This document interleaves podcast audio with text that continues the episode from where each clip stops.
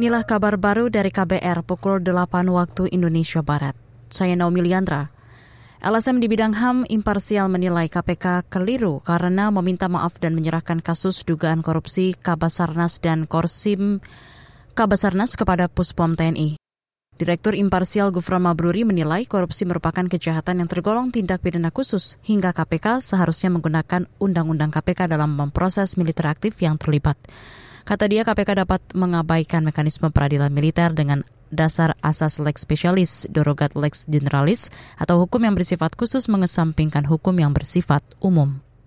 Harus ada desakan politik yang lebih kuat dalam bentuk mendukung KPK untuk mengambil peran lebih di depan. Misalnya presiden gimana tuh sikapnya kan sampai sekarang kan belum ada suaranya. Terus Menko Polhukam di bawahnya gitu kan termasuk juga saya kira DPR perlu ada satu dorongan politik yang lebih besar uh, dalam konteks mendorong KPK untuk punya apa lebih punya keberanian gitu kan dalam konteks uh, terus memproses uh, kasus korupsi di Basarnas maupun juga di apa yang melibatkan Polri maupun di instansi-instansi lain gitu ya.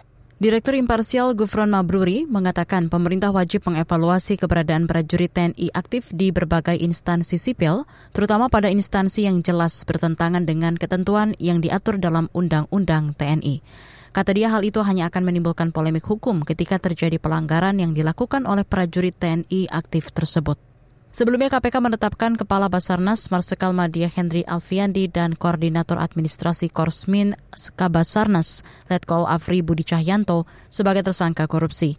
Penetapan itu berujung pemimpin KPK mengaku hilaf dan meminta maaf kepada TNI. Kabar Pemilu. Kabar Pemilu. Dewan Pimpinan Daerah Partai Golkar Provinsi se-Indonesia menolak Munaslup untuk mengganti Ketua Umum Erlangga Hartarto. PLT Ketua DPD Partai Golkar Provinsi Papua Ahmad Doli Kurnia Tanjung menyatakan ingin fokus bekerja memenangkan agenda politik pemilu 2024 bersama Erlangga Hartarto. Ahmad Doli menyampaikan hal tersebut sebagai juri bicara mewakili Ketua DPD Partai Golkar se-Indonesia dalam silaturahmi bersama Ketua Umum di Nusa Dua Kabupaten Badung, Bali.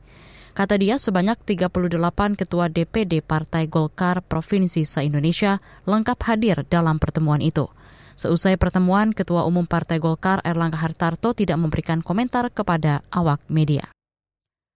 Saudara, kecelakaan antara minibus dan kereta api Doho di Jombang, Jawa Timur diduga akibat sopir kurang konsentrasi. Peristiwa pada Sabtu malam itu menewaskan enam orang dan dua lainnya sempat kritis. Kanit Gakum Satlantas Polres Jombang, Anang Setianto, menjelaskan akibat sopir kurang konsentrasi hingga tidak memperhatikan adanya kereta api dari arah timur menuju arah Kertosono yang sudah dekat. Untuk rombongan yang diperkirakan adalah satu keluarga, itu perjalanan dari arah utara mengarah ke selatan melewati palang pintu eh, melewati kereta uh, rel kereta api yang tidak berpalang pintu kurang memperhatikan situasi dari arah timur. Nah, sehingga ada kereta api yang berasal dari arah timur mengarah ke barat menabrak uh, kendaraan dari rombongan tersebut mas. Untuk sementara hasil dari identifikasi kami ada delapan korban yaitu di antaranya enam korban dinyatakan meninggal dan dua mendapatkan perawatan secara intensif di instalasi gawat darurat Rumah Sakit Umum Daerah Jombang. Itu tadi Kanit Gakum Satlantas Polres Jombang, Anang Setianto. Sementara itu dua korban yang semula sempat kritis sudah dipindahkan ke ruang rawat inap. Kedua pasien di RSUD Jombang itu dinilai kondisinya sudah mulai stabil meski kesadarannya belum sempurna karena masih dalam kategori gegar otak sedang. Demikian kabar baru, saya Naomi Liandra.